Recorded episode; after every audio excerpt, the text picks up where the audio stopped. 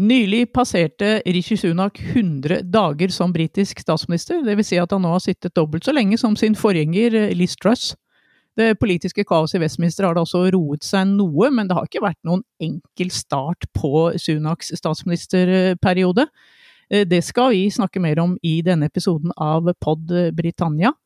Og vi skal også se litt framover på hvilke utfordringer som nå venter Sunak utover våren. Jeg heter Trine Andersen, og med meg i dag har jeg Erik Mustad, som er på jobbreise i USA, så vi får håpe at eh, linjene derfra er snille med oss. Litt nærmere, i Skedsmo, eller Lillestrøm som det nå heter, der sitter Øyvind Brattberg. We shall never surrender. The pride in who we are is not a part of our past. It defines our present and our future. The people of Scotland have spoken. England, Scotland, Wales. Northern Ireland together, taking us forward, unleashing the potential of the whole country. Ja, Erik, da begynner vi i USA, vi. 100 dager med Rishi Sunak. Hva slags karakter vil du gi på de første 100 dagene? Jeg tror jeg skal gi han en treår. Eh, A6. Eh, nei, Det er fordi at han har eh, vanskeligheter både eksternt og internt. De fleste britiske kommentatorer mener vel at han har ut fra forutsetningene klart seg sånn tålelig. De visste at han kom til å prøve å stabilisere økonomien, dempe rentepresset. Prøve å få ned inflasjonen. Prøve så godt han kan å skape vekst. Men i den økonomien i Europa som kanskje er i størst fall akkurat nå, så, så er det problematisk. Eh, det er lange ventelister. Eh, Storbritannia har i hele høst og eh, inn på det nye året vært dominert av streiker i en masse offentlige sektorer. Det er interne problemer i hans egen regjering som han delvis har arva etter Liz Truss og Boris Johnson, i tillegg til at det har kommet en del andre problemer på toppen av dette i et konservativt parti som sliter veldig med å samle seg både rundt den nye lederen og samle seg rundt eh, skal vi si, et prosjekt nå som eh, kanskje må begynne å ta litt form mot neste parlamentsvalg i 2024. Eh, og så er det dette her at personlige målinger på Sunak går jo bare nedover. Han har ikke verdens lengste erfaring. Han kom inn i parlamentet i 2015. Det er ikke en voldsom idébank han har å trekke ut nye politiske ideer fra. Eh, så Det betyr at de fleste ser vel sånn som at Sunak nå håndterer regjeringen. Eh, han prøver å stabilisere ting, han prøver å roe ting ned eh, etter disse ville ukene med Liz Truss som vi har vært inne på tidligere i Pod Britannia. Og kanskje disse ville opptredenene til Boris Johnson som varte og rakk i flere måneder. Så det bærer nok mye preg av en slags administrativ regjering, uh, dette her. Uh, med masse um, problemer med det konservative partiet. Partiformannen måtte gå. der er utnevnt en ny partiformann her forleden. Så der, der, er mange ting som foregår i partiet som, som også er med og tærer på denne situasjonen. Og så er det streiker og dårlig økonomi, dårlige fremtidsutsikter. Så ja, tre av seks er vel det vi kan leve med foreløpig. For han har klart å stabilisere noe. Ja, hva, Øyvind, hva sier du? Tre av seks, er du enig? Jeg tror at uh, noe av uh, problemet her, som, uh, som Sunak jo ikke helt får, forløst, er jo at han framstår som en det man kan kalle det en, en long term prime minister for short term premiership. Er, jeg husker ikke om jeg har hørt den formuleringa et eller annet sted, men det slo meg det er treffende mens jeg hørte på, ja. på Erik. Fordi ja. så mye av det han eh, fremstår som, og så mange av de planene han fremstår med, de er egnet for en litt sånn langsiktig plan for å få skikk på tingene. Mens det vår, vår samtid etterspør, uh, i lys av den ene krisen etter den andre, er Eh, kortsiktige brannslukkingsøvelser. Eh, og der fremstår ikke eh, Rishi Sunak som, som, den som på en måte kan verken slukke branner eller spenne opp nye, spenstige, umiddelbare ideer. fordi det, det meste av det han, han, har satt seg for å gjøre, det er å, å drive en, en, form for langsiktig problemløsning og bringe Storbritannia tilbake på sporet økonomisk å få en mer skikk på sitt eh, parti, få spent opp noen mer sånn langsiktige planer for, for ting. og det, det, jo, eh, det, tar tid å sette sammen de planene, og det tar masser av tid å iverksette de planene, og han har veldig lite med tid. Eh, og Det er jo forbannelsen som, som, følger av det å overta et litt sånn skakkjørt regjeringsprosjekt mot slutten av en valgperiode. Hva i, hva i alle dager skal han gjøre for å overbevise velgerne i tide til neste valg? Eh, der har han bevisbyrden på sine skuldre, og han er veldig dårlig utrustet til å klare det.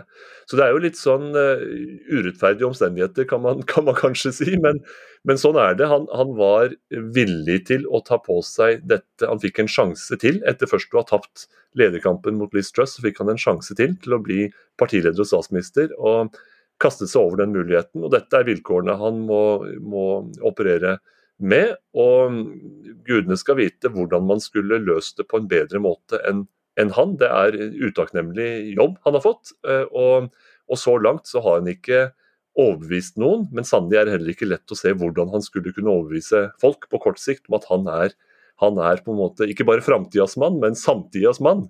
Eh, og med, mot, de, eh, mot det bakteppet så syns jeg slett ikke han har gjort det så verst, jeg. Eh, men, men, den, eh, men, det skal godt gjøres å vippe den, det, det terningkastet over i retning fem eller seks uansett. For det, Eh, så mye har han heller ikke overbevist. Ja, eh, Omstendighetene som du sier er jo helt forferdelige. og Det var det jo da Liz Truss måtte takke for seg etter eh, rekordfå uker i Downing Street nummer ti.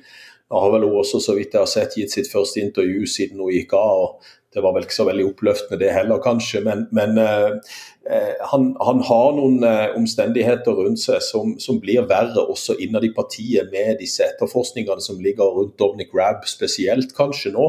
Eh, og at han har skifta ut en, en partiformann i tillegg. Også, du Erik, kan jeg få bare skyte inn litt her? For det er ikke sikkert alle, alle vet hvem RAB er, det bør vi nesten si. For det er altså justisministeren og hans vise, altså visestatsministeren som blir granska for mobbeanklager, rett og slett. Bare sånn at vi har det på plass. Ja, og han er jo en erfaren politiker som, som har sittet lenge eh, på eh, de fremre benker i, eh, i regjeringspartiet. Så eh, han har en, en, tung posisjon i partiet, og også i regjeringen. Så eh, dette sliter jo selvfølgelig på Sunak. Nå så vi at det kom en del endringer i går som vi skal komme inn på etter hvert. Men eh, omstendighetene som, som eh, Sunak opererer i, det er usedvanlig vanskelig. Så det er ikke sikkert, som, som Øyvind sier, at han klarer å klatre noe opp uh, på, på, terningen, for, å si det sånn, at han får noe særlig bedre score etter hvert som yatzy-perioden fortsetter. Men der, der, er så mye problemer, og de ser ikke ut til å avta heller. Og, og, Det er noe av det som Øyvind er inne på, at når du kommer inn sent i en regjeringsperiode, så vil det alltid være utfordringer. Og at det er nesten like mye energi som å gå til interne problemer, som faktisk det å lage en vei videre i, i denne veldig kaotiske tilstanden som Storbritannia har vært nå i det siste. Ja, tredje statsminister i en regjeringsperiode. Det er jo veldig spesielt, da. Men, men det, du, du, var så vidt inne på dette her, det, Erik. Du sa noen endringer i, i, går som han kom med. Altså, vi tar opp dette på onsdag, så endringene kom tirsdag, hvor han la fram den første vel, egentlig sine egne endringer, ønsker i regjeringen også. Han gjorde jo om på en del departementer. Men løser det noe, da? Altså, det Sier det noe om prioriteringene hans? Det er vel kanskje denne satsingen på teknologi som har blitt mest eh, dratt fram i de britiske avisene? Ja, Det er for tidlig å si om noe av dette vil ha noe politisk eh, eh, effekt i forhold til hans popularitet, i forhold til partiets popularitet. Eh, det vi ser med sånne justeringer og endringer, er jo at de får inn folk som kanskje er nærmere ideologisk og politisk til statsministeren. Eh, og den nye partiformannen er jo også en nærmere venn av Rishi Sunak. Eh, skal vi tro britiske medier. Så dette her er nok mer for å, å føle at regjeringsprosjektet handler om eh, han i mye større grad enn det det handler om eh, de som nødvendigvis uh, sitter i de nye departementene. og Det er for tidlig å si om disse nye departementene får noe effekt i det hele tatt. Men, men det er jo litt sånn symbolsk dette her med, med, med grønne skiftet og, og prøver også å redusere karbonutslipp og alt dette. Så det er jo i tida dette her. Så, så vi får se. Ja, det, det, veldig mange undret seg på i går, eller vel, vi venta i går, var jo kanskje at det skulle skje noe med Dominic Rabb, men der må vel denne granskingen som du snakket om, Erik, bli, bli gjennomført uh, først, og det kommer konklusjon på den? Ja, de sa jo det at de gjør ikke noe med Dominic Rabb før den etterforskningen er ferdig. Så, så han sitter der foreløpig. Men en av de største problemene han har, det er jo streikene. Altså nå streikes det jo nesten hver eneste dag i Storbritannia. Det er togstreiker, og det er På mandag opplevde vi jo den største helsestreiken i ja, nesten noen gang, hvor både sykepleiere og ambulansepersonale streiket samtidig. Og har han i det, kan, kan vi i hele tatt se noen løsning på, på, på alle disse streikene, eller bare, kommer det bare til å akselerere utover våren, tror du, Øyvind? Det er ikke noen uh, umiddelbare løsninger i sikte, skjønt de jo, er jo i bedre dialog med, med sykepleierne og, og helsearbeidere enn, en de har vært tidligere i, i regjeringen. Men er, altså, disse streikene er, er, dårlig reklame for en sittende regjering, og spesielt når partiet har hatt regjeringsmakt i, i, uh, i 12, snart 13 år så er det jo Dette er jo veldig sånn synlig indikasjon på, på en, eh, om ikke en samfunnsmodell som rakner akkurat, så en slags samfunnskontrakt som, som er veldig frynsete i, i kantene, hvor, hvor, store grupper av arbeidstakere ikke føler at de, de, skylder andre noe, og de skylder ikke regjeringen noe, og, og, er på en måte berettiget til å hevde sin rett, selv, selv der det Eh, går på tverke av hva eh, samfunnet for øvrig bedriver, holdt jeg på å si. Det vitner om et, et, et, fravær av eh, dialog og fravær av, av noen som kan, kan, samle trådene. Og regjeringen er åpenbart ikke i stand til å, til å gjøre det. Og det, det, gir et dårlig kvalitetsstempel til det sittende politiske, politiske regimet. Og så er det i tillegg sånn at, at eh, Sunak og finansminister Jeremy Hunt de har på en måte bundet seg til masten eh, når det gjelder det å dele ut sjenerøst i form av lønnspåslag i offentlig sektor osv. Så, videre, så, så er det jo innstrammingspolitikk som, som, gjelder over hele linja. Det er økonomisk disiplin som, som skal råde fram til man har fått gjenopprettet tillit og kommet nærmere en budsjettbalanse og alt det som de strenge stemmene snakker om. Så de har ikke så mye å gi, og dermed har de heller ikke så åpenbare løsninger å, å tilby. Og det minner jo litt om de lønnskampene og den dype og uforsonlige striden i arbeidslivet på 1970-tallet, hvor britiske regjeringer måte kjempet for å gjenvinne en slags autoritet og klare å bringe folk i arbeid, rett og slett. Eh, ikke, for, ikke, ikke gjennom å opprette arbeidsplasser, men gjennom å få, av, få, få slutt på streiker og få, og få produksjonsmaskineriet i gang. Man er litt i samme stampe nå og, og, og ser like rådvill etter, etter løsninger eh, nå som man gjorde som han gjorde den gang.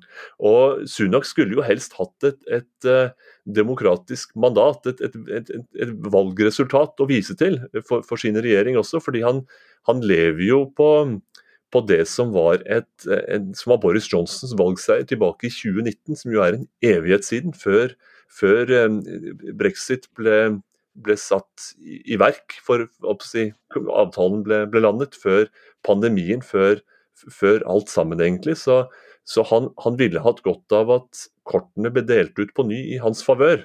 Uh, og det, det, kan han nok dessverre se, se, langt etter. Men det er også en del av problemstillingen at det, er, at det har vært så mye vann som har flytt under brua, og, han, og det er ikke hans på en måte, det er ikke hans problemer i utgangspunktet, men han har fått mye kastet på seg og beskjed om å løse det, og nokså kort tid til å, til å gripe det an. Ja, og Det er det vi snakka om tidligere, om at han har arva en rekke av disse problemene som gjør at omstendighetene han nå regjerer i er så vanskelige som de er. Eh, og Det sier jo litt eh, om situasjonen i Storbritannia og økonomien også. og Det er jo mye spørsmål, eh, ser jeg rundt forbi, om denne nedgangen i økonomien skyldes dette brexit. Hva skyldes brexit i forhold til økonomien? Er det deler av økonomien som går dårlig, som vi kan si eh, handler om brexit? Um, og Der er enorm utenlandsgjeld. Det er vanskelig for Storbritannia å ta opp mer lån uh, for å kunne uh, sprøyte de pengene inn i helsevesenet, i alle disse offentlige sektorene som nå er ute og streiker. Som Øyvind sier, det er ikke noe særlig penger på bordet i um, Eh, i, i, for å imøtekomme disse gruppene som da er ute i gatene hver eneste dag. Så, så det er nesten sånn låst situasjon. Eh, og, og, det er jo det nesten de sitter og venter på at kortene skal stokkes om på nytt og deles ut på nytt, som Øyvind sier. og Da må det et valg til på å gjøre det. Vi så det på 70-tallet, i 1979, da Margaret Thatcher kom inn. Da kom det nye kort på bordet, og nye retninger eh, ble iverksatt fra en ny konservativ statsminister da som overtok etter, etter Labour. Så vi får se om vi, vi, beveger oss mot et sånt skifte. Vi har jo tidligere i Britannia snakka om at vi tror at valget kommer i mai 2024. Nå, nå sier jo alle høsten 2024 fordi at den økonomiske situasjonen antagelig ikke vil være noe bedre våren 2024. Og Da ønsker man kanskje fra regjeringens side å vente så lenge som mulig med å ha dette neste valget, som, som er denne eh, kortstokken eh, som da skal deles ut på nytt. Så det, det er et, en, en liten sånn eh, låst situasjon for, for, Sunak. og Det er jo dette som gjør at det er så vanskelig for han å operere. Det er på en måte ikke noe vits å komme med en rekke nye ideer nå når situasjonen er så fastlåst som han er. Eh, og, og, alle disse problemene han har med seg fra tidligere med pandemi og alt dette. Så, så Det ser vi på de personlige målingene som jeg nevnte. Nå var det vel 56% noterte her i januar som mente at han gjorde en dårlig jobb av den britiske opinionen. og Det er ganske høyt. Eh, som, som, eh, det, var, det var 26 eh, i november november-desember. og Det er altså økt til, til, ganske betraktelig over 50. Så er det noen av 20 som syns han gjør en god jobb. Eh, så, så han, han, sliter også med denne offentlige appellen, for å si det sånn. da. Eh, også fordi at han ikke har så mange, problemer, nei, så mange ideer som han kanskje ønsker å lansere og ikke kan lansere.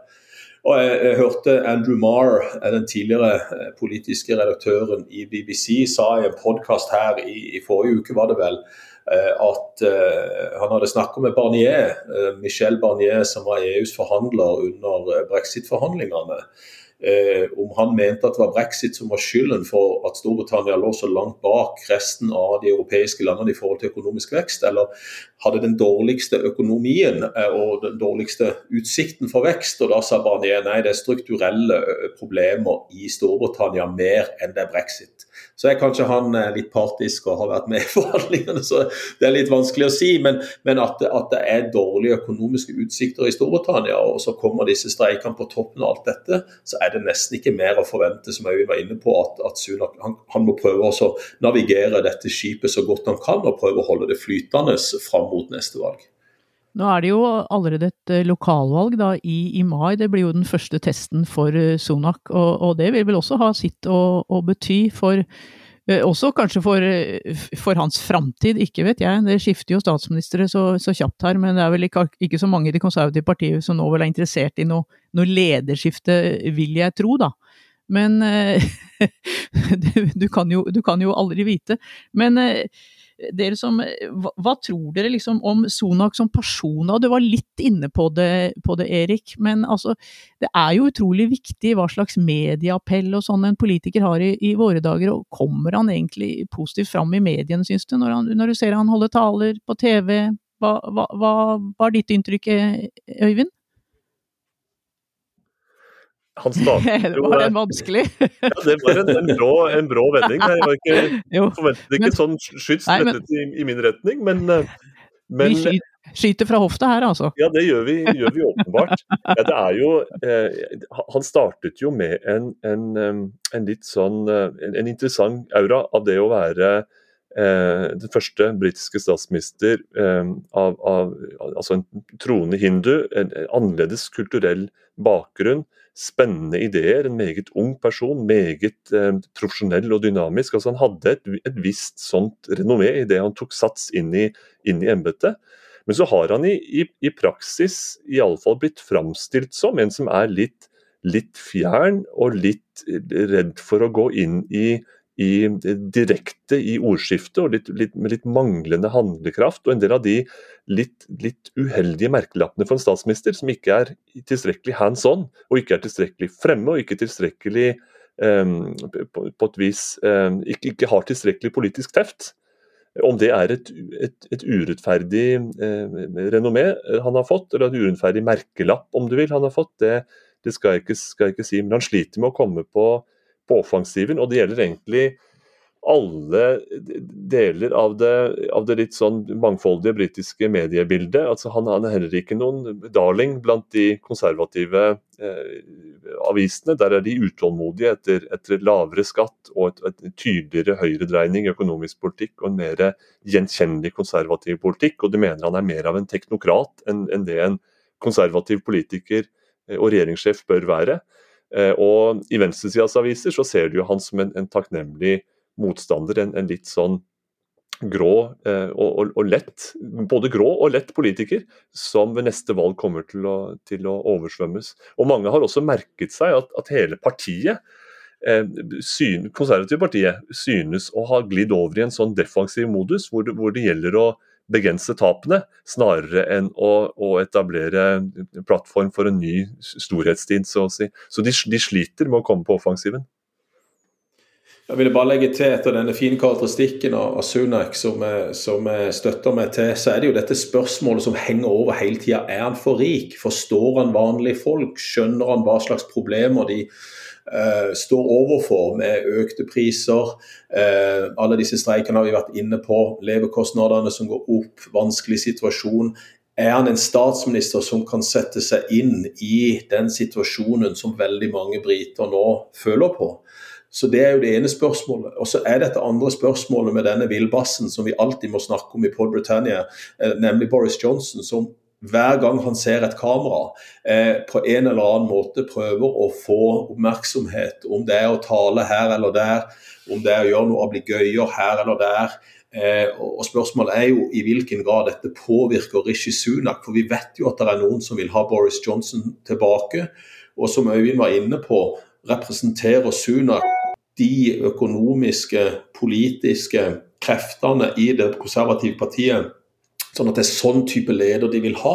Eller ønsker de mer denne lederen som Boris Johnson var? Og Vi så jo i lederkampen her at Johnson var jo i kulissene hele tida. Skulle han komme tilbake igjen, skulle han ikke komme tilbake igjen?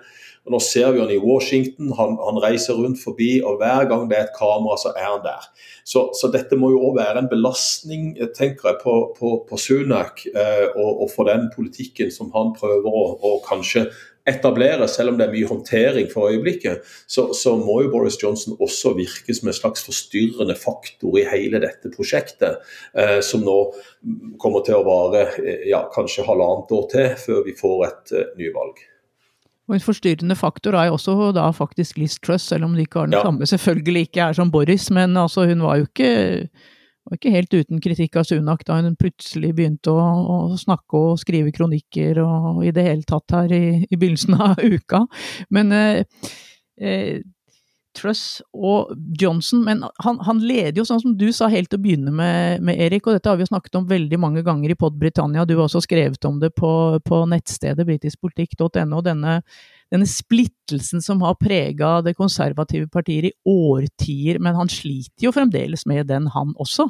Det er jo, mange, ja det er jo store, store uenigheter i, mellom fløyene her. Ja, og det er uenigheter i store politiske partier. Det ser vi jo her i USA òg. Eh, og det er ofte det i det konservative partiet og i Labour. Eh, spørsmålet er hvordan dette håndteres da av partiapparatet og av lederen. Eh, og akkurat nå så har det jo arva mange av disse problemene som vi var inne på fra Truss og Johnson. Men det hjelper jo ikke at Boris Johnson spesielt og Liz Truss nå kanskje lite grann henger rundt i, i uh, trapesen uh, og prøver å få oppmerksomhet uh, for det ene eller for det andre. For det tar jo medieoppmerksomhet bort fra Sunak, og kanskje han ikke ønsker å ha den oppmerksomheten. Men som du var inne på, Trine, vi må jo ha statsministre som har en viss medieappell i, i eh, det 21. århundre. Det fører jo med seg ganske mye støtte fra opinionen også, dette vet vi jo. Så, så, denne grå og kanskje litt kjedelige politikeren som Øyvind eh, helt korrekt beskrev, eh, kanskje ikke er det den forventningen som store deler av det konservative partiet har til en statsminister journalister fra det partiet er og da en partileder. We shall never surrender. The pride in who we are is not a part of our past. It defines our present and our future. The people of Scotland have spoken. England, Scotland, Wales, Northern Ireland, together, taking us forward, unleashing the potential of the whole country. Order!